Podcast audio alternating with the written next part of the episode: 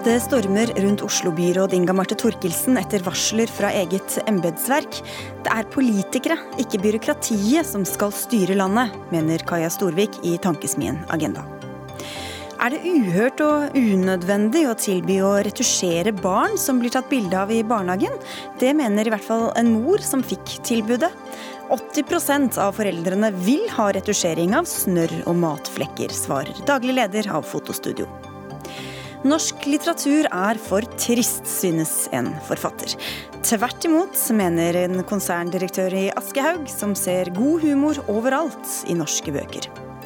Og Arbeiderpartiet åpner for en ekstra ferieuke for småbarnsforeldre. Men hvem skal betale for den?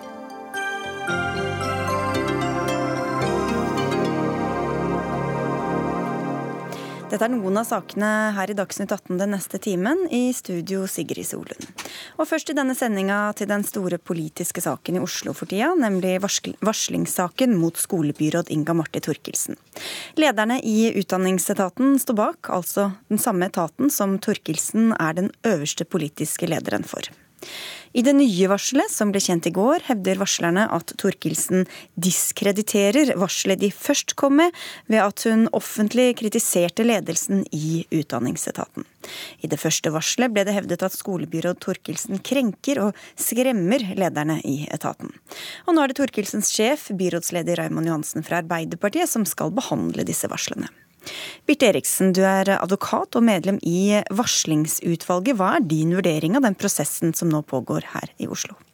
Vel, jeg tror vi alle bør være enige om at varsling er komplisert. Nå eh, presenteres dette som den første saken da, i parlamentar, en parlamentarisk kommune. Men det er klart vi har jo lignende saker i eh, Kommune-Norge. Eh, og det er veldig viktig at det eh, legges et løp for en skikkelig, ordentlig prosess, sånn at man får eh, trukket grenser mellom hva som er politikk og hva som er juss. Mm, du, du sier det har vært andre saker, men hvor spesiell vil du si si at den saken vi ser her er? Nei, Det er jo som sagt det at vi har med et eh, parlamentarisk styre å gjøre. Vi har eh, alvorlige varslingssaker i ganske mange norske kommuner. Eh, og da har man eh, endt opp med ordninger med setterådmenn eh, og andre typer til tiltak for å sikre at, eh, at, vi, at vi har fått en habil prosess. Magne Lerud, du er redaktør i ukeavisen eh, Ledelse, eh, og du skriver i Dagens Perspektiv i dag at varslingsinstituttet som regel er en blindvei hva mener du med det? Det er blindvei når det er politikere man uh, forsøker å arrestere. Det, det, varslingsinstituttet er ikke skapt for å håndtere denne typen saker. Dette er politikk. Det ser vi jo også hvordan disse, denne saken nå er, uh, håndteres. Opposisjonen mener én ting, og uh, de som sitter med makt mener noe annet. Mediene fordeler seg. Så det går etter politiske skillelinjer. Så dette kommer det ingenting ut av. Og Ramon Johansen har allerede sagt at han har full tillit til den som han har valgt ut å være byråd, men allikevel skal han håndtere varslene. Så dette, er, dette blir ei suppe, og det er, vil bidra til å svekke varslingsinstituttet når man kjører en sak på denne måten som skjer i Oslo nå. Er du enig, Eriksen? Nei, jeg er ikke det. Fordi at politikere har bestemt, altså våre folkevalgte på nasjonalt nivå har bestemt og legitimert at varslingsinstituttet skal være et korrektiv. Det skal være en sikkerhetsmekanisme for rettsstaten, noe av det vi baller med i disse politisakene, eh, og for demokratiet. Eh, og det er helt klart at det eksisterer grenser for politikk. Og da, eh, da handler varslingsinstituttet og håndteringen av varslingssaker om å nettopp trekke de linjene. Ja, det er ikke meningen med varslingsinstituttet. De skal ikke trekke trekke grenser mot politikk. Det, det, dette er den tynneste varslingssaken vi noen gang har hatt. Det at noen føler liksom at en politiker går for hardt ut. Altså, varsling er noe annet. Det er, det er, det er lovbrudd. Og det, det, kommer bare ikke til å skje her at noen konkluderer med at hun har brutt arbeidsmiljøloven. Det, det kan man så å si konkludere med ut ifra det som er kjent i denne saken. Er det arbeidsmiljøloven som gjelder her, Eriksen, eller hva er det som egentlig ligger til grunn øh, når det nå er snakk om politisk leder og ikke leder f.eks. i en øh, privat bedrift? Det er, de, det er, arbeidstakerne i kommunen som har dette varslervernet. Og Jeg sier ikke at det er varsling som skal trekke grenser for politikk. Eh, eh, varsling er en mekanisme som trår inn når de ordinære systemene for ledelse og kontroll svikter. Og Nettopp for å, eh, for å sikre at man ikke går utenfor det som er grensene for politikk. Kai Storvik, det ble sagt her fra, fra uh, Lerøy at her er det venstre- og høyresiden mot hverandre. Så i så måte litt uvanlig at Lerøy forsvarer Torkelsen, hvis det er, nå er det du gjør. Men, men da er det på sin plass å trekke inn deg, for du er nestleder i den sentrum-venstreorienterte tankesmia Agenda. Hvordan ser du på det som, som, pågår nå, og grensene for politikk og varsling og maktkamp og det ene med det andre? Altså, det, det, er jo en, en, veldig, veldig uvanlig sak. Eh, og jeg, eh, jeg tenker at eh, alle varslersaker skal behandles skikkelig. Eh, og selvfølgelig, når dette nå har blitt en varslersak, så skal den også behandles skikkelig.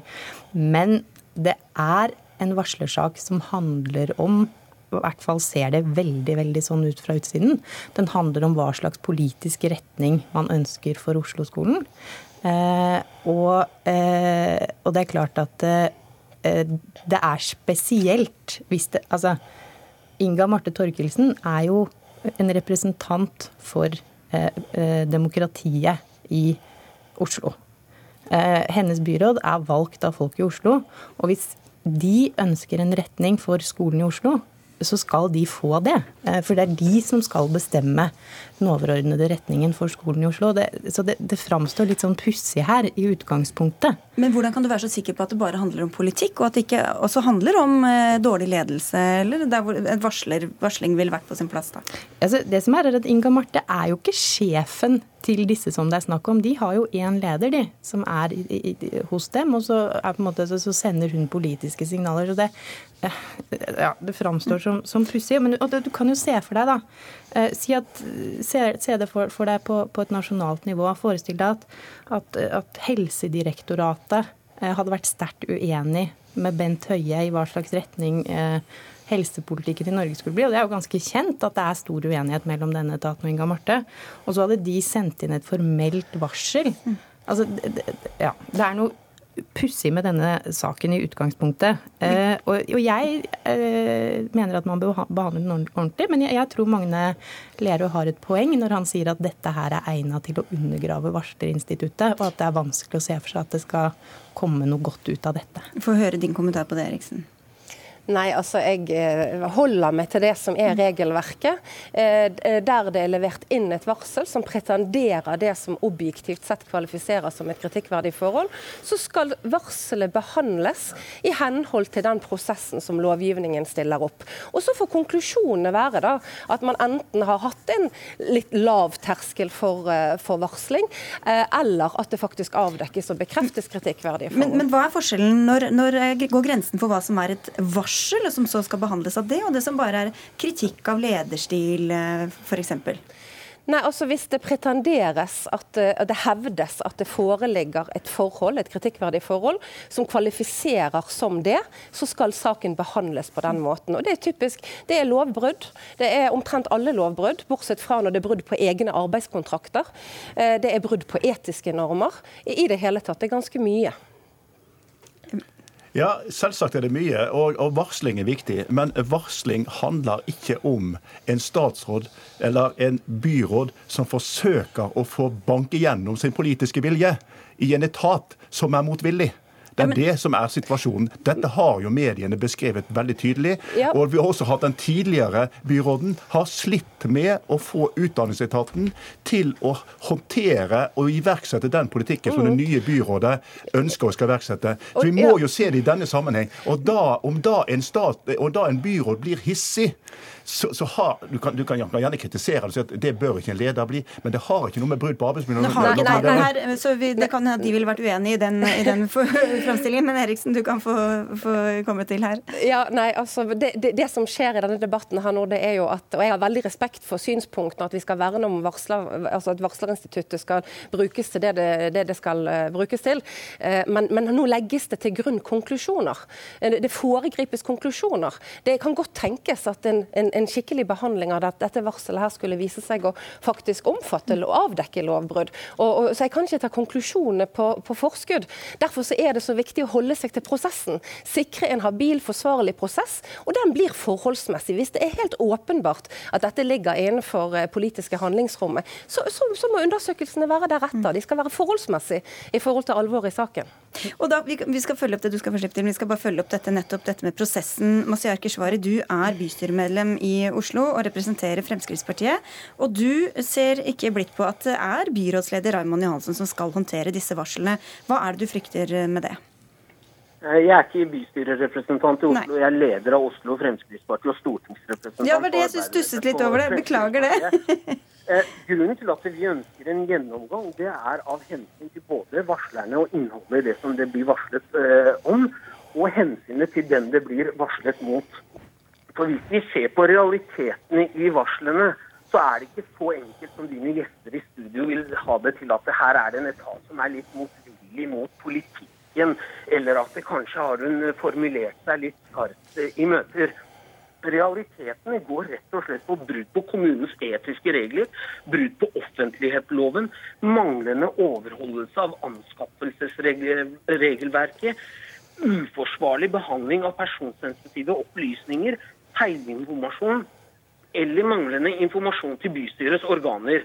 Og Et av sakene de går på, det er denne fortette båndet, og at det påstås i varslene om at de har fått et direkte pålegg fra byråden om å bruke Forandringsfabrikken uten gjennomført anskaffelse. Eh, prosesser som er i ja. kommunen. Jeg tror ikke vi går så langt inn i varslene fordi at vi ikke sitter her med noen av partene. Vi har invitert både Torkelsen og Raymond Hansen. Men hvis, ja, men hvis du sier da, hvorfor, hvorfor er Johansen ikke den rette til å håndtere dette? Altså, det er jo helt utenkelig at hvis det hadde kommet den type varsler mot en statsråd, så hadde noen funnet seg i at statsministeren skulle vært den som skulle vurdert det.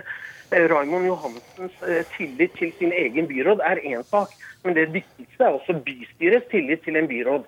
For det er helt feil som Storvik sier at eh, Inga Marte Torkelsen er valgt av befolkningen i Oslo. Vi har ikke noe byrådsvalg i Oslo, vi har bystyrevalg. Og det er ut ifra den sammensetningen i bystyret at man danner et byråd. Akkurat som vi ikke har regjeringsvalg i Norge, men stortingsvalg. Og Da er det viktig å komme til bunns i disse svært alvorlige anklagene som ligger der, av hensyn til begge parter. Ok, Storvik. Eh, ja, Apropos forhåndsprosedering. Men eh, eh, for det første, Masiar, så, så sa jeg For det første, Masiar, nå er det min tur. For det første la, la, så, nå, nå skal, så sa, sa jeg veldig tydelig at når det først har blitt en varslersak, så må den behandles på en skikkelig måte. Og jeg sa heller ikke at Inga Marte Torkelsen var valgt av folk i Oslo. Det vet jo både du og jeg godt at hun ikke er, men at hun hadde et mandat av de som er valgt av folk i Oslo. Det mandatet er det Raymond Johansen som har, og han velger sine byråder. Akkurat uh, som statsminister statsministeren velger sine statsråder. Eh, og det er sånn at det er statsråden som bestemmer om statsrådene skal bli sittende eller ikke. ikke sant? I en sånn sak som det her. Det du sier at, at folk ikke hadde akseptert at eh, at eh, Erna Solberg hadde håndtert det. Det tror jeg er helt, helt feil. Jeg tror Erna Solberg hadde krevd å håndtere det.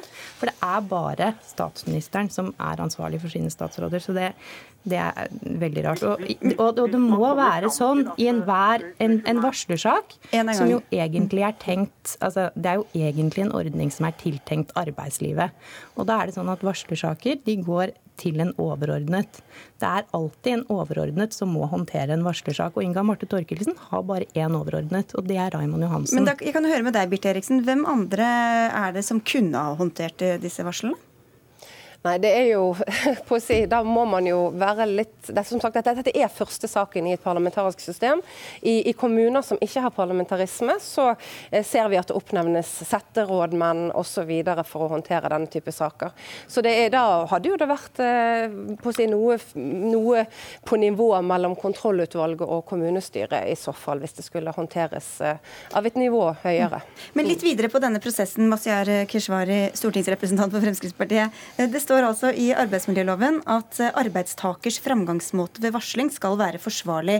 Her er jo varselet lekket til eh, media samtidig som det er sendt videre. Hvor forsvarlig er det? Jeg skal ikke ta eh, stilling til det. og Her må jo også mediene eh, vurdere hvor forsvarlig det er å gå videre med innholdet i varsler. Men som jeg sa innledningsvis, så er det viktig å få en avklaring av, av hensyn til den det blir varslet mot også. Vi lever tross alt i et sivilisert rettsstat der enhver varsel ikke kan konkluderes med at det er den hele og fulle sannheten. Noen av de punktene som jeg ramste opp, Bl.a. at det skal komme et pålegg om, å, eh, om å, å, å, hente inn tjenester fra en spesifikk aktør. Det er svært alvorlig. og Man kan ikke leve med en situasjon der det henger en slik Nei. vi går ikke inn, vi, vi, prøver ikke å gå inn på noen av sidene her eh, på, på, den, eh, på de selve sakene. Mm. Derfor har vi bedt om ekstern gransking, slik at man kommer til bunns i hva som er riktig og ikke. Her dreier det seg ikke bare om, om lederskap hennes, eller om etatene liker hennes politikk eller ikke. Det har kommet ganske mange konkrete ting i disse varslingene som er alvorlige, og som må kvitteres ut. Ja, Nå vil jo kommuneadvokaten bli trukket inn, så det blir jo jurister som vil vurdere dette. her. Det spiller ingen rolle om det ville vært en uavhengig som hadde levert en eller annen innstilling. Det er Raymond Johansen som til slutt må avgjøre om han har tillit til sin byråd.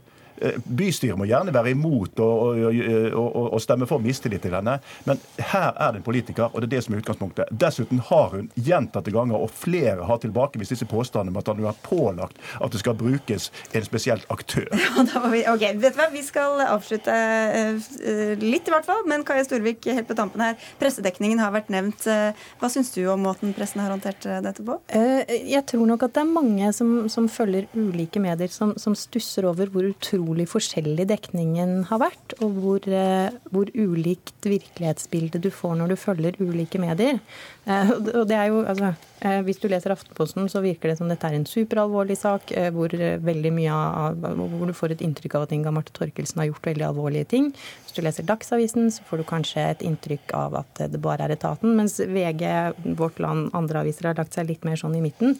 Og det ser du også, ikke sant. Det er akkurat det samme du ser på hvem som uttaler seg hardt om denne saken, som jo ingen av oss som sitter her nå, bortsett fra Keshvari, har gjort. Men du ser at de som er enig i den skolepolitikken som føres. De uttaler seg mot Inga Marte Torkelsen, de andre uttaler seg for. Så det, ja, det er en politisert sak.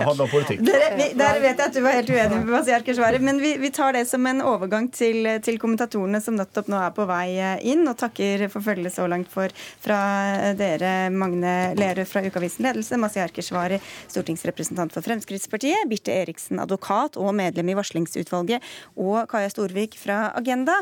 For nå kommer altså to av dem som eh, ble nevnt her. Eh, kommentarene spriker i ulike retninger.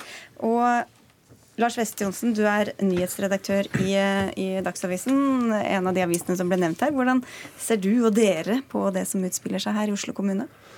Ja, Vi ser i hvert fall annerledes på det enn Aftenposten. Vi ser dette, Det vi har gjort i journalistikken vår, er å påvise en tidslinje her som er påfallende. Dette varselet er påfallende i den tidslinja. Uh, og Det er en bakenforliggende strid der som har pågått i, i månedsvis. Uh, Hva er det som er påfallende ved tidslinjen? Det er at 4.9 så står det et leserinnlegg i vår avis, signert en av Astrid Søgnen, skolesjef i Oslos nærmeste medarbeidere. Dette reageres på. Det kommer møter i, i, i, på rådhuset mellom, mellom kommunaldirektør og Søgnen. Søgnen ber om et møte med, med byrådsleder Raymond Johansen på fredagen. Samme kveld tikker da inn disse varslene. Uh, og da er, mener jeg at vi uh, hadde ikke gjort jobben vår hvis vi ikke hadde prøvd å se dette i en større sammenheng. og uh, prøvd å se det annerledes enn det Aftenposten har, har, gjort. Ja, nå, vi, nå, skal Aftenposten fortelle seg, men da blir det, i deres historie er det en historie om politikk mer enn en historie om varsling? Absolutt. Og maktkamp. Mm. Ja, eh, Trine Eilertsen, politisk kommentator i Aftenposten. Eh, to forskjellige verdener ble det beskrevet som her. hvordan man kan få... Eh, ja, i hvert fall selve saken. Nå kan du snakke om to vidt forskjellige virkelighetsoppfatninger. I motsetning til eh, vår konkurrent her, så snakker vi med kilder på begge sider, og ikke bare på én side. Oh. Og det er en eh, stor fordel, både for i forsøket på å skjønne om det er kausalitet mellom alle disse hendelsene. Altså om det ene utløser det andre, eller om det sammenfaller i tid. Og også for å få litt forskjellig innblikk i hvordan eh, samtaler blir tolket, hvordan de blir videreformidlet. Og Det er klart at det jeg syns er fascinerende akkurat nå, jeg hørte på det som foregikk her i sted, det er hvor veldig raske mange er med å uttale seg og konkludere om hva dette er, på veldig spinkelt grunnlag. Jeg tør ikke å slå fast at det er enten det ene eller det andre. Eh, sannsynligvis er det litt av begge deler. Men å bare avvise det ene i denne fasen her, det syns jeg er veldig friskt. Eh, og vi har jo eh, kontakt med, med varslerne, som jo også syns at det kanskje er ganske friskt, fra folk som vanligvis er opptatt av både varslere og varslingsinstituttet. Ofte i sånne saker som hvor sannheten eller hva skal vi si, ting kommer i veldig biter, så kan man endre veldig oppfatning alt ettersom hvem man snakker med. Så Vest Johnsen, hvordan vet du at dere har presentert et fyllestgjørende bilde av det som har hendt? Ingen har påvist eller påpekt noen feil den tidslinja vi har uh, lagt til grunn for vår journalistikk. Uh, og, Men har dere snakket med begge sider? som dere blir beskyldt for å gjøre? Vi har snakket med også den andre siden, ja. Det har vi gjort. Vi har snakket med mange mennesker uh, og kommet fram til den tidslinja som er påfallende. Så er det også sånn at Inga Marte Tørkelsen kan sikkert ha sine sider og kan ha sikkert gjort kritikkverdige ting. Det kan godt være hold i dette varselet. For det har vært en så betent situasjon i denne etaten over så lang tid at, eh, at, uh, dette har blitt, en, en, uh, blitt, så vondt at noen har varslet. Og at det er godt hold i, i dette varselet. Det kan det godt være. Absolutt. Men det som er interessant nå, når vi, det skal bli en eller annen form for undersøkelse av dette varselet, og det må vi, må vi legge til grunn at det blir, det er jo også å få svar på flere spørsmål. Derfor jeg mener at det er litt friskt å, å mene veldig hardt om det nå. Det ene er, hvis det er sånn at politisk ledelse har vært misfornøyd med etatsledelsen i hele perioden, altså i tre år. Hva har de gjort for å endre på det? Hva gjorde det forrige byrådet? Hva gjorde kommunaldirektøren Bente Fagerli, som er personalansvarlig for Astrid Søgn, altså lederen i etaten? Hvilke samtaler har de hatt? Hvor formelt har dette vært? For det jeg også kan ane, ane i dette, det er at noen mener at ja, men signalet er godt. Også hvis den andre siden enten ikke oppfatter signalet eller forventer at ting foregår mer formelt og mer eh, tydelig, at politikk f.eks. For eksempel, eh, formidles gjennom tildelingsbrev og ikke gjennom medier, som er oppfatningen på varslersiden. Eh, hva har da byrådet gjort i denne perioden for å ta opp med etatsledelsen at dette syns vi ikke fungerer? Og Inntrykket er at det har ikke vært spesielt mye konkret som har vært tatt opp. Og jo, Da blir det jo en frustrasjon på begge sider, så det, det må vi få svar på. Og så må vi jo få svar på om ja, det ble varslet nå, men er det prøvd å ta, er det blitt tatt opp via andre kanaler før? Ofte er jo varsling siste utvei.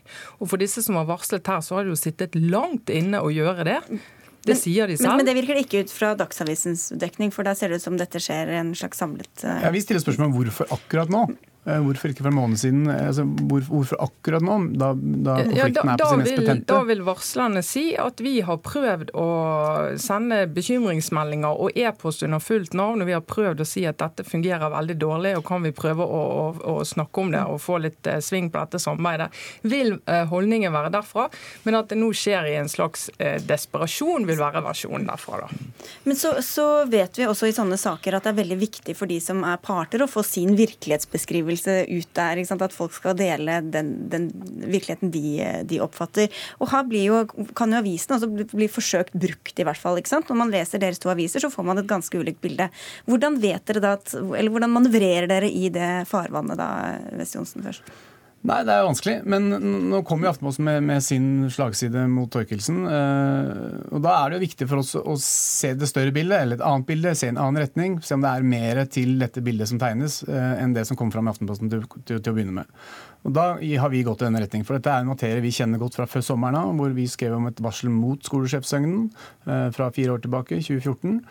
Så dere vil være et korrektiv til Aftenposten? på Ja, absolutt. Jeg mener at det er veldig veldig viktig. Og vårt ansvar ligger hos eh, leserne og publikum om å liksom, tegne et, et, større, bredere bilde enn det Aftenposten klarte uh, til å begynne med. Ja, det, men nå hadde jo ikke Dagsavisen varslet, så var det jo ikke så rart at de ikke skrev om det. For det, og det har jo varslerne sagt, at de har ikke spesielt stor tillit til Dagsavisen fordi de mener at de er så skjeve skjev i sin dekning av, av eh, Oslo-skole og skolepolitikken. Men de har så stor tillit til Aftenposten at de går direkte til Aftenposten, samtidig har, som de sender eh, varselet til anonyme varslingsmottaker? Og har opplevd at Aftenposten er mer balansert i dekningen. Det var vi også i vår. Eh, og det, Da får du jo bedre kilder på den siden også enn hvis du kjører veldig altså Apropos slagside, jeg syns jo Dagsavisen kjører veldig hardt veldig tidlig uten å egentlig ha innsikt. De gjorde jo det før de hadde innsikt i varselet. Men det som er, det som er eh, interessant i dette, det er jo at og å si nå på dette grunnlaget at dette er kun det ene eller det andre, det er enten svart eller hvitt. Altså Alle som følger med Oslo-politikken vet at det er, har vært en kamp mot, eh, mot eh, den såkalte høyreskolen, og at det har vært et mm. poeng for venstresiden å utfordre den. og Det er helt rimelig å gjøre det. Og Da må vi spørre hvordan har man gjort det? Har man gjort det på en måte som gjør at du faktisk kan eh, oppnå resultater? Er han blitt motarbeidet, den politiske ledelsen? Nå må vi få vite hva de har gjort med det, og hvorfor de ikke har fått konsekvenser konsekvenser. Altså, det er så mange, mye mer vi må få svar på før vi kan si at bang, sånn men, Men har dere et, skapt et bilde som er helt åpent, og her kan liksom alt være sant? Vi fikk det varselet som er så spesielt fra et sted som er så spesielt, fra en ledergruppe i eh, Norges største kommunale etat. Så vi, det, vi kunne ikke ikke skrive om det. Det er klart vi måtte skrive om det, men også så går vi etter mange av de eh, forholdene som blir nevnt i varselet, går vi etter journalistisk. Mm. Eh, og flere, Noen av de er ikke akkurat sånn som det ser ut i varselet. Andre kan vi se de, hvor vi ender henne. Det ble antydet her i forrige runde at partipressen eh, var tilbake med dette. Jeg vet ikke om dere kjenner dere helt igjen i det? Nei, jeg, kjenner meg, altså, jeg kjenner meg ikke igjen i det. Man ser kanskje verden fra forskjellige hold. Det kan det være noe i. Men jeg syns også det er påfallende med timinga for dette varselet at man går til Aftenposten samtidig som man sender inn varselet anonymt samme klokkeslett får Trine Eilertsen det i fanget fredag kveld. Vi var, vi var ikke de eneste synes, vi var ikke de eneste nei, som fikk det. Neida, men jeg, jeg syns det er ganske påfallende uh, at man ikke, som direktører i skolesystemet ikke våger å la systemet virke før man går til mediene. Da, det svekker troverdigheten til varselet. Ja. Vi får fortsette å lese masse aviser da, for å få et godt og helhetlig bilde fremover. ikke sant? Takk skal dere ha begge to, Trine Eilertsen fra Aftenposten og Lars West Johnsen fra Dagsavisen. Dagsnytt 18 alle hverdager kl 18.00 på NRK P2 og NRK2.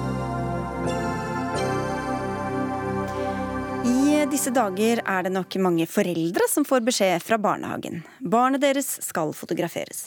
Resultatet henges opp på veggen, gis bort i julegave til bestemor og settes i album der de kan betraktes igjen og igjen.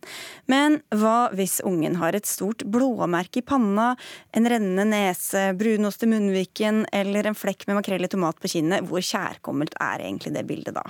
Tonje Brenna, du er her vanligvis i kraft av å være arbeiderpartipolitiker, men nå er du her som eh, mor til et barnehage barnehagebarn. Og du har altså en sønn som skulle blitt tatt bilde av av en profesjonell fotograf i barnehagen, men så oppdaget du en lapp hvor det sto 'Ønsker dere at Studio G skal fjerne sår eller kviser på portrettbildene?' Og dette gjorde deg litt opprørt. Hvorfor det? Nei, vi lever jo i en verden der eh, F.eks. psykiske lidelser blant unger har økt, unge har økt med 40% siden 2011. Der over 40% av dagens unge sier at eh, de opplever stort kroppspress hver eneste dag.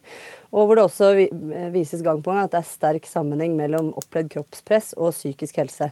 Og det er jo blitt et samfunnsproblem at vi er glossa og strigla retusjert ved de aller fleste anledninger. Og jeg syns ærlig talt at et eller annet sted må grensa for hvor mye vi utsetter barna våre for dette presset, gå. Eh, jeg kunne godt eh, tenke meg at eh, den grensa gikk langt høyere enn Eller at vi beskytta de lenger enn barnehagealder. Men i alle fall i barnehagesammenheng så tenker jeg at det er helt greit å si at her er ikke retusjering et alternativ vi byr på, uten at det er noe som er etterspurt fra foreldrene. Men hvorfor kunne ikke du bare svare nei og la det være med det? Altså jeg mener jo at Den aktive handlingen må jo være å oppsøke eller på en eller annen måte si ifra at kan vi få hjelp til å fjerne en flekk, eller hvis man åpenbart hadde en busemann eller noe annet, så kunne man fått hjelp til det. Jeg tror jo de aller fleste foreldre syns at uh, bildene av barna deres er uh, vakre uansett. Men den aktive handlingen jeg som foreldre må bli bedt om å ta, kan jo ikke være at jeg må ta stilling til først og fremst om bildet av sønnen min skal retusjeres eller ikke. Det er ikke egentlig det som er det interessante. Det interessante er jo skal barn tas bilde av eller ikke, men så må jeg likevel ta stilling til det, som jeg mener er unødvendig unødvendig og egentlig ikke helt etisk av barnehagefotografer som skal være profesjonelle aktører og tilby oss foreldre, uten at vi har bedt om det selv. Ja, Da har vi heldigvis fotografene her. Gisle Lian Olsen, du er daglig leder i Studio G-fotografene. Hvorfor tilbyr dere retusjering av barnehagebilder? Det skal du få et skikkelig svar på, men jeg har lyst til å si noen ting innledningsvis. Eh, det Tonje Brenna sier her, eh, det med at samfunnet har utvikla seg i en helt feil retning mot kroppspress mot barn og ungdom, det er vi 100% enig i. Her føler vi at det har blitt blanda et par kort, sånn at dette har endt opp til å bli i media i dag storm i et vannglass. Um, agendaen her er det at uh, når vi fotograferer barnehager, så deler vi ut på forhånd et ark til hver foresatt. Der har de da mulighet til å velge hvilken pakke de skal ha, om de skal ha portretter, om de skal ha ingenting, eller om de skal kun ha et gruppebilde. Eh, det siste spørsmålet der, der står det ønsker dere som foreldre at vi skal fjerne sår eller kviser. Kanskje vi skal utdype det også til å stå brunost og snørr, eh, for det er det vi gjør. Vi fjerner temporære ting. Ting som endrer seg hurtig. Ikke faste ting. Vi pynter ikke på skaperverket.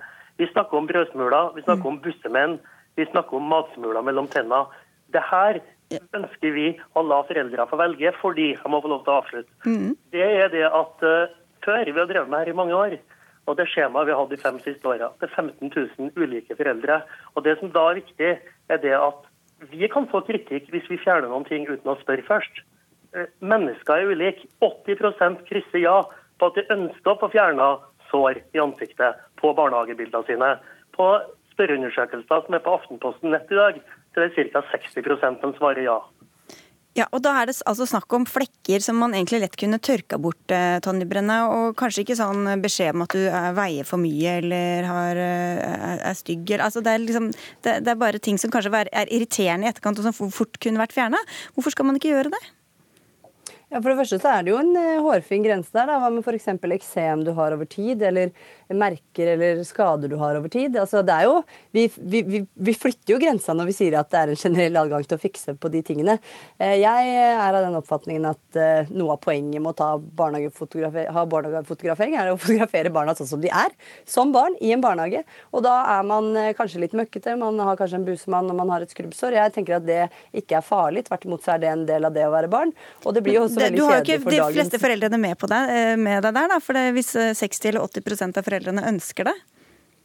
Ja, og det er litt sånn uh, interessant. Jeg vet ikke helt hvordan dette er for andre. Men jeg mener at når jeg fikk det skjemaet, og det sto spørsmål vil du retusjere eller fjerne dette eller ikke, så tenkte jeg sånn Ja, det er vel kanskje noe vi gjør, da. Altså Det virker veldig tilforlatelig ikke sant, at det er noe vi gjør. Eh, og da er det jo fristende å si ja, selvfølgelig. Jeg moraliserer ikke over noen andres valg. Jeg bare sier at jeg syns det valget kom altfor tett på meg. Jeg ble bedt om å ta stilling til noe jeg egentlig ikke vil ta stilling til. Jeg vil ikke at det første spørsmålet i forbindelse med fotografering skal være om jeg vil fikse på noe ved fotografi av barnet mitt. Jeg vil heller at det barnet skal bli fotografert akkurat som det er. Du Olsen, et litt sånn praktisk spørsmål. Hvorfor kan ikke noen heller ta seg to minutter til å tørke barnet i ansiktet eller gre håret, eller liksom fikse det for? Veldig, veldig, veldig bra spørsmål.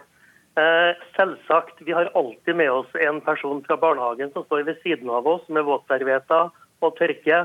Men på høsten, da, når barna er ganske forkjøla, så er det jo som en liten bekk.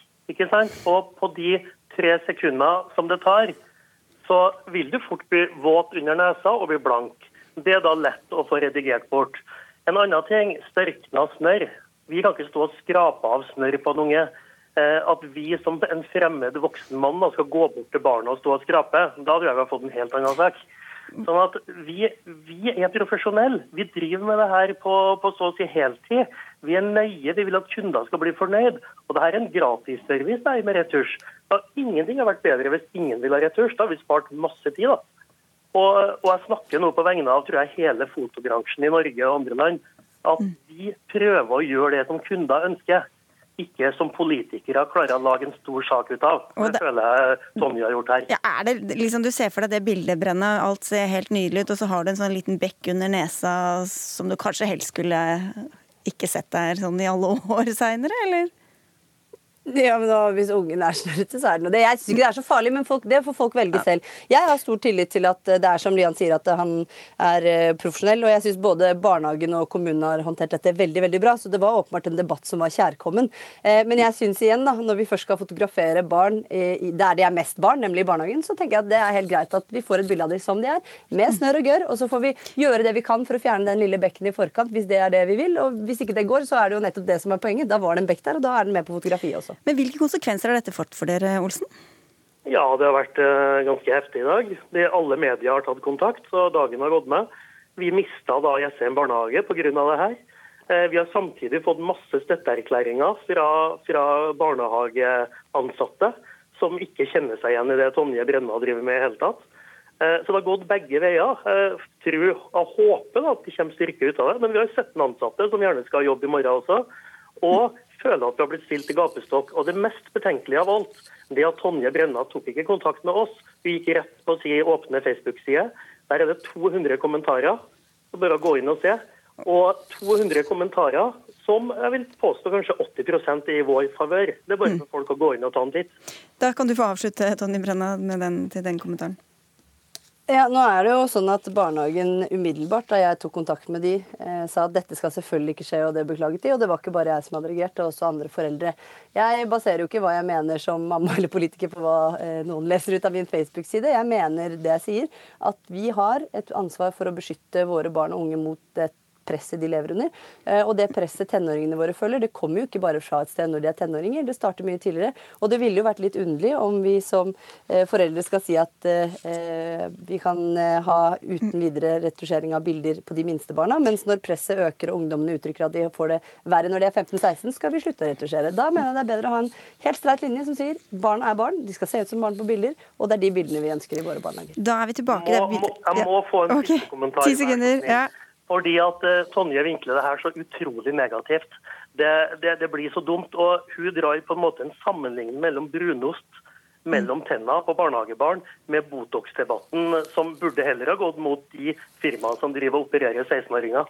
Det er kanskje der hun skal Men alle, alle aktører i dette markedet har et etisk ansvar for å gjøre seg noen refleksjoner rundt dette. Jeg har sagt hva jeg mener, du har sagt hva du mener. Vi er uenige. Og disse barna kommer til å bli fotografert uansett. Jeg håper med snørr. Der blir vi aldri enige. Nei, da avslutter vi der. Takk skal dere i hvert fall ha for at dere diskuterte hos oss, Tonje Brenna og Gisle Lian Olsen.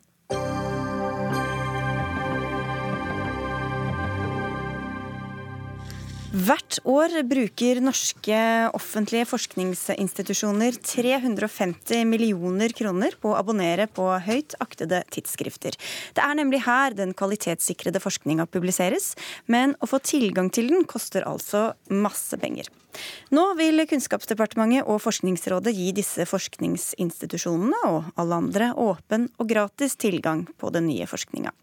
Jon Arne Røttingen, du er administrerende direktør i Forskningsrådet og vil at alle altså skal få lese dette fritt innen 2020. Hvordan skal dere få til det i praksis? Det skal vi få til gjennom en koordinert internasjonal innsats, hvor nå ti nasjonale forskningsråd i tillegg til Forskningsrådet og EU-kommisjonen og Det europeiske forskningsrådet samlet har eh, utgitt en, en felles posisjon eh, på hvordan vi skal få til overgangen til full åpen tilgang. Jeg nevnte jo litt innledningsvis, men Hvordan er det dette systemet fungerer i dag, som dere da mener at ikke fungerer godt nok, og som dere ønsker å endre på? Ja, I dag fungerer systemet slik at 85% av tidsskriftene er såkalte abonnementstidsskrifter. så Det betyr at eh, forskningsartikler som finansieres over norske skattekroner, de publiseres bak betalingsmurer. Og Vi er jo opptatt av at eh, den investeringen som Norge gjør i forskning, som det, fra det offentlige side er ca. 30 milliarder, at den må komme samfunnet til gode. Utrolig viktig nå når Norge skal omstilles. Vi skal få en bredere økonomi. Vi må ikke minst investere mer i næringslivet, slik at næringslivet blir mer forskningsintensivt.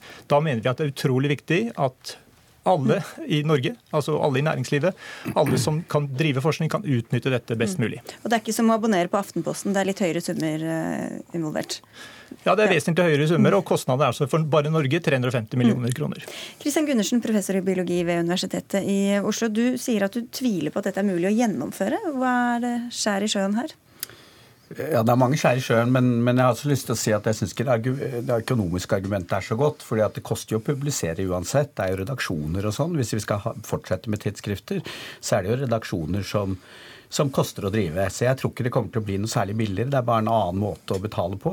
Så vil selvfølgelig også bety da en, en subsidiering av næringslivet med offentlige midler, men, men, det er man kanskje villig til, det, sånn som Røttingen beskriver. Men det største problemet jeg har med det, det er en fin tanke at forskning skal bli tilgjengelig for alle, syns jeg, er jo at man nå i løpet av 17 måneder skal splintre et et publiseringssystem som har liksom vokst organisk og, og, gått seg til kanskje siden trykkekunsten ble oppfunnet, det er uforsvarlig. Og det er som en slags eh, ja, maoistisk revolusjon. altså det, Vi vet ikke konsekvensene av det.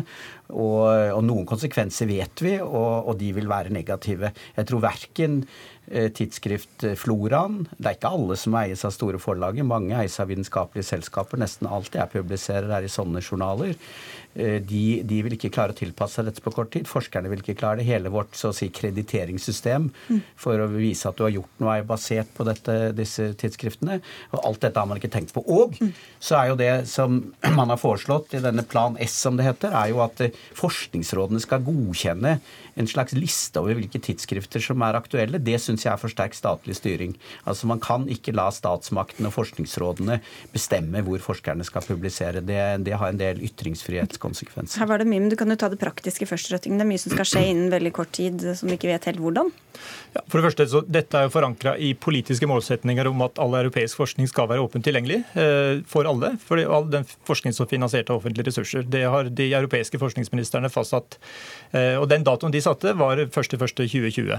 Det vi sier, er at den datoen eh, tar vi som en ambisjon. Eh, I praksis vil det i Norge bety at eh, prosjekter som finansieres fra Forskningsrådet, og som vi inngår kontrakter med fra etter 1.1.2020, vil måtte publisere i henhold til de nye kravene. Dette vil bety at nåværende prosjekter sant, kan eh, fortsatt forholde seg til dagens krav. Det vil bli en overgangsordning. Vi er trygge på at den overgangen skal gå fint. Vi er utrolig opptatt av at den overgangen må skje. Det blir litt som å rive av plasteret når man har på et plaster. Det gjør litt vondt en periode. og Den kostnaden må vi ta hvis vi skal greie å få et mer effektivt Du vet ikke hva som er under det plasteret, da? Det er vel det som er problemet? Vi er ganske sikre på hva som er under det plasteret, fordi vi eh, har allerede veldig gode eh, eksempler på at åpne tilgangstilskrifter fungerer veldig bra. Eh, 20% av norske publikasjoner er i dag i såkalte gull åpen tilgangstidsskrifter, og, og, vi har veldig god erfaring med det. Altså, jeg, og, og, og, bare ett et, poeng til. Du må ikke ta alt på en gang. Ja, men ta en poeng til. og det er at Christian Gundersen tar opp at dette er et system som har vart siden boktrykkerkunsten. Det er Poenget nå er at når publisering blir digital, så har vi fått en helt annen økonomi i det. Det er ikke lenger dyrt å formidle og, nei, og men, sende men rundt tidsskriftartikler. Nei, det er ikke trykkomkostningene som koster noe her eh, eh, ved å lage verken bøker eller tidsskrift eller noe som helst. Det er den intellektuelle innsatsen i å redigere dem som koster penger. Og den er ikke så forskjellig om du gjør det digitalt eller ikke. Og jeg, i motsetning til deg, som har skoene på her, jeg er ikke trygg, og jeg føler meg liksom utsatt for, for noe som kommer ovenfra. Dessuten så er det riktig som du sier. jeg synes syns det er greit at dere sier at det som den norske stat skal finansiere, det skal være åpent tilgjengelig. Men dere sier mye mer enn det. Dere sier at vi kan ikke engang publisere i tidsskrifter sammen med andre som velger ikke åpen publisering. Veldig mange tidsskrifter i dag har det slik at man kan velge. De fleste velger ikke å gjøre det, for man syns det er dyrt. Men, men, det tillater dere ikke. Så dere, har, dere innskrenker så å si trykkefriheten med et politisk formål, og det syns jeg ikke er akseptabelt. Resten av verden gjør jo ikke dette. USA har et annet system, Kina har et annet system, og det er jo tross alt mye mer enn Europa. Det er 11 av 43 forskningsråd i Europa som går inn for dette. Gunnarsen, ok, hør her nå. Det er noe sånn i dag at vi lever i en tid hvor veldig mange hevder å ha sannheten, og det er mange som vil eh, så tvil om eh, vedtatte sannhet osv. Og, og så vet vi som eh, ikke forsker at hvis, vi, hvis noe f.eks. er publisert i Nature, så kan vi stole på det som står der. Det er kvalitetssikkerhet. Hvordan skal vi kunne ha den samme tilliten til det som publiseres på disse åpne plattformene?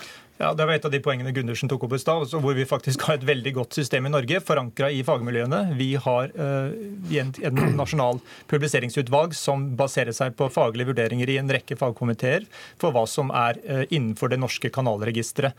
Rett og slett som en veiledning til norske fagmiljøer hvor, hvor de kan publisere.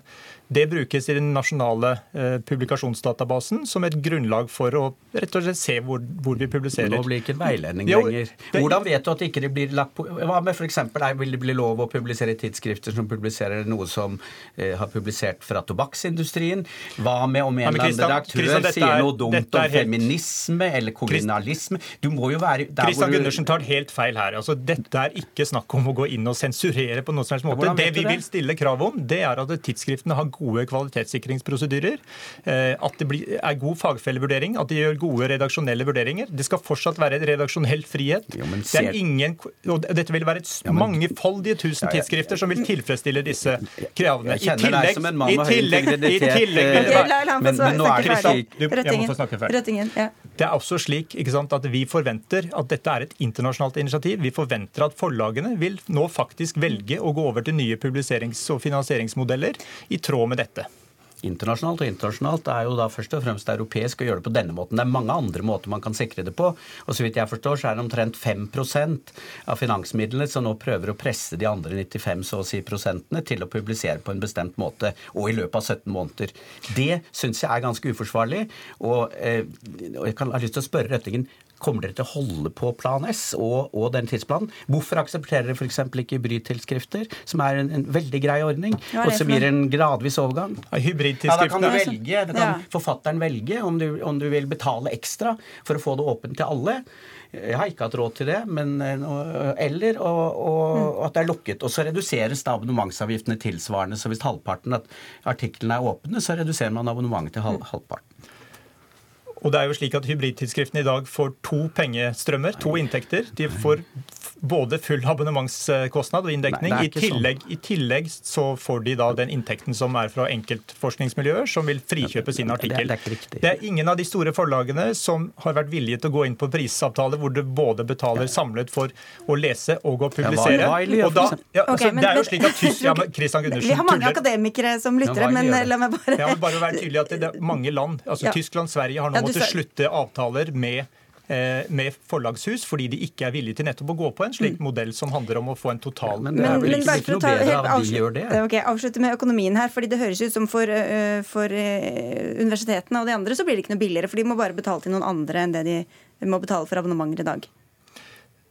Vi tror at vi skal godt innenfor dagens totaløkonomi sikre det samme, men få tilgang til alle. Det er den store forskjellen. I dag har ikke du og jeg som enkeltpersoner tilgang til dette. Norsk næringsliv har ikke tilgang. Vi bruker 9 milliarder kroner fra Forskningsrådet på forskning. Dette ønsker vi at det hele norske folk skal ha muligheten til å bruke. Ja, og de 9 milliardene så er en meget liten andel som går til publisering, og jeg tror det er veldig dumt å være veldig gniten på det, for det er tross alt det siste og liksom finpussingssteppet. Og, og, det å underfinansiere det tror jeg er veldig dumt. Vi skal fortsatt finansiere god fagfellevurdering. ok, dere, vi avslutter der. Takk skal dere ha i hvert fall begge to. Eh, Gundersen fra Universitetet i Oslo og Jon Arne Røttingen, eh, direktør i eh, Forskningsrådet.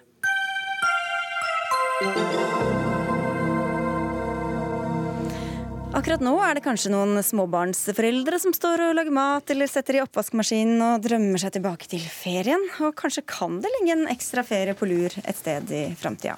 Da Sveriges statsminister Stefan Löfven satte inn støtet i den svenske valgkampen, lovte han én uke ekstra ferie for hver forelder i en barnefamilie.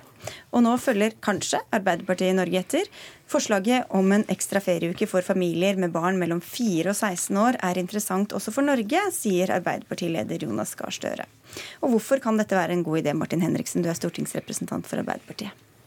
Vel, det han Jonas Gahr Støre sa i går til Arbeiderpartiet sitt landsstyre, det var jo for det første at han mente at, og Arbeiderpartiet mener at tida for de store velferdsreformene ikke er over. Et av de områdene vi bør se på nye reformer, det er jo akkurat når det gjelder familie og familietid. Hvordan kan vi være med å løse tidsklemmer som veldig mange foreldre opplever. Og Han viste da til at i Sverige så har da sosialdemokratene lansert en sånn familieuke. Uh, og jeg mener at, altså Det har jo ikke Arbeiderpartiet konkludert på, vi har ikke foreslått det. Men jeg mener at det er en av flere spennende ideer som vi bør diskutere, rett og slett fordi at veldig mange sin hverdag er veldig stressende. Det er Eh, stress med henting og bringing. Det er kanskje planleggingsdager som det hjelper jo ikke med ferieuke da. Da er det jo bare én uke i året det hjelper, da. Jo, men altså, Det svenske forslaget er jo da at de, de trenger ikke ta ut de fem mm. dagene sammenhengende. Du kan legge det til f.eks. når det er planleggingsdager. Det er veldig vanskelig ofte å få det til å gå opp. Barn har ofte lengre ferie enn foreldrene. og Eh, det er hektisk ettermiddagstid også for veldig mange eh, familier som fylles opp av aktiviteter. Og i veldig mange yrker så er det sånn at du kan ikke ta med deg barnet ditt på jobben når det er sykt eller når det er planleggingsdag. Hvis det er bussjåfør eller sykepleier f.eks. Mm. Da er denne type si, muligheten for å få bedre familietid i hvert fall ett alternativ det går an å diskutere. Hvis barnet er sykt, så skal du kunne ha en sykedag, da, men det er en annen sak. Eh, Olaf Thommessen, leder i Bedriftsforbundet. En uke ekstra til slitne småbarnsfamilier må du vel unne dem? Dette dreier seg ikke for oss om ikke å unne, men det er klart at 90 eh, av norsk privat næringsliv har under ni ansatte. Når vi hører på Arbeiderpartiet, eh, både nå og ellers, så virker det som alle i Norge arbeider i det offentlige. Sånn er det ikke. Eh, som sagt, 90% arbeider i bedrifter under ni ansatte. Og for dem så blir en ekstra ferieuke et stort problem. De har allerede problemer nok med å få endene til å møtes i de småbedriftene. Eh, og en ekstra ferieuke selvfølgelig for det første innebærer betydelige kostnader i form av feriepenger, men dernest også betydelig produktivitetstap. Um, og det, det, tror jeg kanskje Arbeiderpartiet kanskje har, glede av å tenke litt over. At dette er hverdagsnæringslivet. Dette er små bedrifter som kan være regnskapskontorer eller små mekaniske verksteder eller eh, frisørsalong eller hva det måtte være, som, som, vil ha store problemer med å møte en sånn, en sånn sak, og ikke minst kostnadsmessig. Ikke sant? Store tap for bedriftene. Altså jeg kan jo avsløre at Arbeiderpartiet for lengst har oppdaga at de fleste arbeidstakere i Norge ikke jobber i offentlig sektor, at det er mange som jobber i privat sektor. og Det er nettopp det med hverdagen som er utgangspunktet her. Vi har jo ikke konkludert, vi har jo ikke fremma noe forslag om en sånn her ekstra fleksibel eh, ferieuke. Men det er klart, i veldig mange jobber å få hverdagen til å gå opp når du er bussjåfør, lærer, renholder, kan være eh, vanskelige, stressa familiehverdag, og der planleggingsdag og andre ting ikke lar seg kombinere. Så jeg mener det med ferieuke er noe det går an å, å diskutere, som de har bl.a. tatt opp i, i, Sverige. Men også mange andre forslag som Arbeiderpartiet allerede har fremma, som jeg mener eh, kan eh, hjelpe for småbarnsforeldre. Enten det er sånn fleksitidsordning der du får noen ekstra timer som okay, småbarnsforeldre, eller, eller for eksempel, ja, gjøre noe med SFO aktivitetsskolen, få flere ja. aktiviteter inn i den tida. Men, men Thommessen kan det ikke være også eh, gjøre det, altså vinninga går opp i spinninga på en positiv måte, da, på, ved at man får mer fornøyde arbeidstakere, flere klarer å, å full, jobbe fullt osv., hvis man har sånne ordninger for de som også har små barn? Det kan det være, men eh, nå er det sånn at de fleste i Norge har fem ukers ferie. og Allerede det er et, en utfordring for småbedrifter i Norge. Og Hvis man viser til Sverige, som er interessant, i Sverige så har man da en helt annen sykelønnsordning, f.eks. Hvor man har en sykelønnsordning med en karensdag og 80% de første 16 dagene. Det sparer svenske staten ca. 16-18 milliarder kroner på. Jeg er litt usikker på hvor man skal få penger til å eh, finansiere en sånn løsning, enten er det offentlig eller om det skal legges opp på de private bedriftene. Jeg tror jo det Argumentet om produksjonstap for bedriftene har vært et argument mot stort sett alle denne type velferdsordninger, enten det er foreldrepermisjon eller andre ordninger. Men det vi ser at For det første så gir det jo noen andre effekter. at altså, Fornøyde arbeidstakere, mindre stress.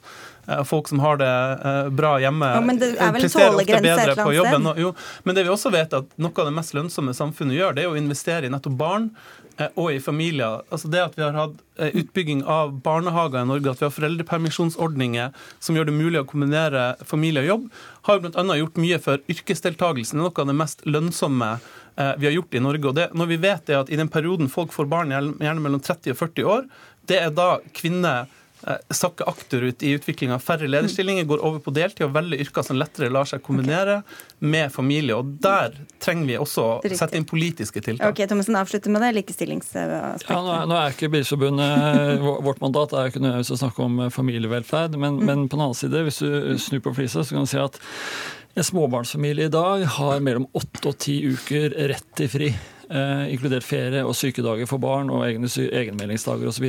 Det er altså nesten to måneder, over to måneder eh, som du allerede har fri. Det blir veldig vanskelig for en småbedrift hvis du skal legge på en uke til. og Det tror jeg egentlig alle innerst inne forstår. Jeg tror Vi må vente og se hva Arbeiderpartiet konkluderer med. Og så er det sikkert mange som vil eh, protestere litt mot at det er fri å være hjemme med en syk Det skjønner jeg, men jeg er, det, det er helt enig. Det beklager jeg. Okay. Det er enig, men ikke så mye det er borte fra jobben. Skjønner. Ok, Takk skal dere ha begge to. Olav Thommessen og Martin Henriksen. Hør Dagsnytt 18 når du vil. Radio NRK Radio.nrk.no. godt i gang med bokhøsten, men er det som presenteres fra norske forlag for trist og gravalvorlig? Det er i hvert fall bildet som tegnes av norske bøker i et innlegg i Aftenposten. Her kan vi lese at norsk litteratur ikke slipper alvoret av syne, at forfattere bruker skriveprosessen som terapi, og at eh, til og med det som er betegnet som morsomt, ikke er annet enn sorgmuntert. Og Det er du som skriver dette, dette Bjarte Arneson, forfatter. Men hva slags belegg har du egentlig for å komme med denne diagnosen? Belegget er vel ikke stort annet enn at jeg har uh, fulgt med litt i litteraturen, lest noen bøker her og der og fått med meg noen forfatterintervjuer hvor det da ustanselig uh, snakkes om de samme temaene. Uh, tematisk sett så minner jo dagens norske litteratur litt om det norske filmtilbudet i Vibeke Løkkeberg-perioden på 70- og 80-tallet. Mye gravalvor og tungsinn. Veldig, veldig lite lekenhet. Jeg tror ikke det var ment som et kompliment, eh, Kari Spjelnes, du er konserndirektør i Aschehoug eh, forlag. Eh, hvor mange bø morsomme bøker gir dere ut nå i høst, f.eks.? Ja, vet du hva, Det er faktisk veldig mange flere enn det Bjarte Arneson har inntrykk av. Jeg må nok innrømme at veldig mange av de morsomme bøkene kommer ut på, innenfor barne- og ungdomslitteraturfeltet, men der er det mange. Jeg kan f.eks. nevne Hasse Hope, han er jo kjent her i huset, som kom med romanen 'Kompis' i disse dager. Vi har Liv Marit Weberg, som har helt fantastiske ungdomsromaner som du må skogle av når du leser. Jeg angrer litt på at jeg åpnet for denne en reklame. ja, men, jeg, jeg skal, altså, men, det er faktisk eh, helt feil at det ikke er god humor i norsk samtidslitteratur. Men, også, men hvis du tenker på voksenlitteraturen, eh, det ble nevnt eh, altså 70-tallet og Vibeke Løkkeberg, uten at vi skal diagnostisere henne på noe vis. Men er, er, det ikke et snev av sannhet i det han uh, sier? Der? jeg syns Arneson har rett i at formidlingen av norsk litteratur ofte legger stor vekt på alvoret. Det vil jeg si. Og, og jeg tror også det er sånn at mange av de forfatterne som i hvert fall jeg og mange med meg betrakter som også store humorister. Det er veldig fristende å nevne vestlandsforfattere som Ragnar Hovland, eh, Odd Surén, eh, Erlend Nødtvedt. Altså, det er fantastisk humor i de romanene, men de blir ikke lest av så mange. Så jeg eh, kan være litt enig i at også vi som jobber med formidling av litteratur, må være flinkere til å få fram det, mm. særlig voksenlitteraturen. Men jeg må få lov å si at det er jo også romaner som har nådd skikkelig langt ut, som er ordentlig morsomme. Tenk på Erlend Los romaner 'Naiv super', 'Doppler'. Tenk på Vigdis Hjorts roman 'Leve posthornet' eller 'Hjulskift'. Altså, jeg lurer jo litt på hvor mange og hvor stor bredde Arneson har i sin lesing av ny norsk samtidslitteratur. Arneson? Du, Arneson han har lest litt av dette. Når du nevner, um, når du nevner Erlend Loe, så er vi jo tilbake i 1993, vel omtrent. Og det har rent en del vann i Mjøsa siden den gangen. Ja, men Eksempelet du nevner, er sjenanse og verdighet fra 1994, da. Så det er ja. det ene norske eksempelet du har i artikkelen din. Det kan du se, og Jeg liker både Dag Solstad og sjenanse og verdighet. Men eh, den scenen og den boken er veldig typisk for det hverdagslige og det veldig virkelighetsnære som gjennomsyrer mange norske bøker, og som vi etter hvert har vent oss til at det er så morsomt som det får blitt. Men tilbake til det du nevnte med, med ungdomslitteraturen, for det syns jeg er veldig interessant. fordi du har helt rett i at det finnes utrolig mange spenstige anslag og gode ideer i barne- og ungdomslitteratur. Og det er så rart at det ikke fins for voksne, fordi overalt i livet ellers så snakkes det jo ustanselig om å bevare akkurat de sidene ved seg selv. Sin barnslige nysgjerrighet, ungdommeligheten, lekenheten. Men akkurat når det gjelder litteratur, så er det liksom ikke snakk om det her. Idet du klapper igjen den siste Roald Dahl-boka di Idet du klapper igjen den siste Mm. Du klapper igjen den siste Roald Dahl-boka di, så er det tydeligvis meningen at da skal du klare deg på bøker om ensomhet og angring resten av livet. Og eh, Jeg setter det på spissen her, eh, men eh, vi trenger bøker som kan Altså, vi trenger forfattere som har skrevet seg gjennom gleden, og som har andre ambisjoner enn bare liksom å brette ut sitt eget hva skal vi si, eh, følelsesliv, sine egne traumer. Og her tror jeg mye handler om eh, at eh, de, veldig mange norske forfattere kommer jo gjennom de samme skriveskolene, forfatterakademiene, hvor en del av metoden handler om nettopp dette. å gripe inn i eget liv eh, for å finne tematikken. Jeg deler ikke denne beskrivelsen av norsk samtidslitteratur. Siden tiden er knapp, vil jeg si les f.eks. åpningen av Geir Gulliksens nye roman. Det er absurd komikk, blandet med alvor, ja, men ikke på den måten du beskriver det. Det er masse kostelige scener og god humor i norsk litteratur. Men kan det være at det litt sånn alvorlige, dystre regnes som mer høyverdig enn eh, det veldig lette, morsomme? Ja, det tror jeg faktisk det er noe i. Og at det kan være noen eh, eksplisitte og implisitte vurderinger vurderingskriterier i måten vi snakker om og tenker på litteratur på. Her må jeg få presisere at det gjelder i så fall ikke bare norsk litteratur.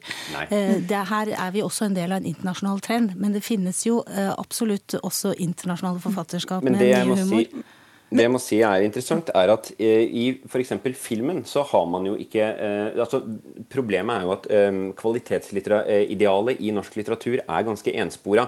Det skal berøre. Det skal virkelig eh, sette spor. Og eh, der hvor eh, vi f.eks. innen filmen kan sette pris på å le av en komedie på den ene siden, men også la seg berøre av mer alvorlige filmer, har, de, har man et mer eh, bredspektret eh, kvalitetsideal, mm. som jeg savner i norsk litteratur. Arne, det ble nevnt mange forfattere, vi kan jo nevne noen flere. Eh, Agnes Ravatn, Nina Lykke, som også har gjort stor eh, suksess. Kan det være sånn at den norske humoren rett og slett er litt sånn ironisk og underfundig, og ikke den eh, bananskall på gata-humoren som mest Det er vel ikke bananskall på gata-humoren Det det etterlyser? Eh, som jeg kanskje etterlyser uh, først og fremst. Altså, mediene De bøkene som havner i bokhandlene, og som settes frem på disker og i vinduer, er jo bøker som, som, forlagene forventer at skal selge godt. som igjen er de som de forventer at skal kunne få medieomtale. Dette her er en runddans hvor det er vanskelig for den ikke-alvorlige litteraturen å nå igjennom. Nei, Det er faktisk ikke helt riktig. Men man må erkjenne det at god litteratur veldig ofte forener komiske blikk på tilværelsen med det dypeste alvor. Det er det, det veldig mange norske romaner som gjør. Absolutt. Og da ble dere helt enige på slutten. Det var jo veldig hyggelig, for nå er sendingen vår også over. Da får vi si tusen takk til dere begge. Bjarte Arneson, eh, forfatter av en ny morsom bok, etter ettersom hva vi forstår. Det er korrekt. Den heter 'Du og jeg og Vito', der hvor alle historiene begynner med førstesetningen fra norske barnesanger og slutter med siste setning fra de samme sangene. Da fikk vi litt reklame fra begge kanter her, også fra deg. Takk skal du ha, Kari Spjeldnes, konserndirektør i eh, Aschehoug. Dagsnytt 18 er altså over for denne gang. Sendinga er tilbake i morgen. Det var Anne Katrine Førli og Stein Nybakk som hadde det innholdsmessige og tekniske ansvaret. Og jeg heter Sigrid Solund, og vi ønsker en fin kveld videre.